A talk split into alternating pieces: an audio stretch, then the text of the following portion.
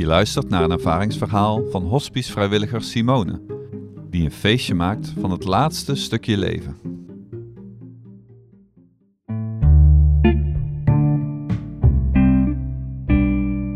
Ik heb een dienst. Tijdens de overdracht krijg ik te horen dat het niet zo goed gaat met cliënt op kamer 4. Ik ga naar hem toe, want ik zou zijn haar nog knippen. Terwijl ik daar bezig ben, vragen zijn vrienden of het nog mogelijk is om een barbecue te houden. Natuurlijk zeg ik, heel enthousiast, gezellig, leuk, moet je doen. Ik ga de tafel dekken.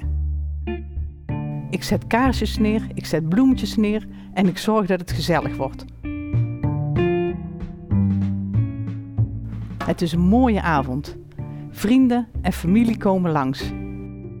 Hij heeft het naar zijn zin. Hij zit op zijn stoel en kijkt alleen maar rond en geniet. Later die avond zie ik hem in bed liggen, nog steeds met die smile van oor tot oor. En zo heb ik afscheid van hem genomen. Ik ging naar huis toe met zo'n tevreden gevoel. Ik was super blij dat ik het zo heb kunnen doen.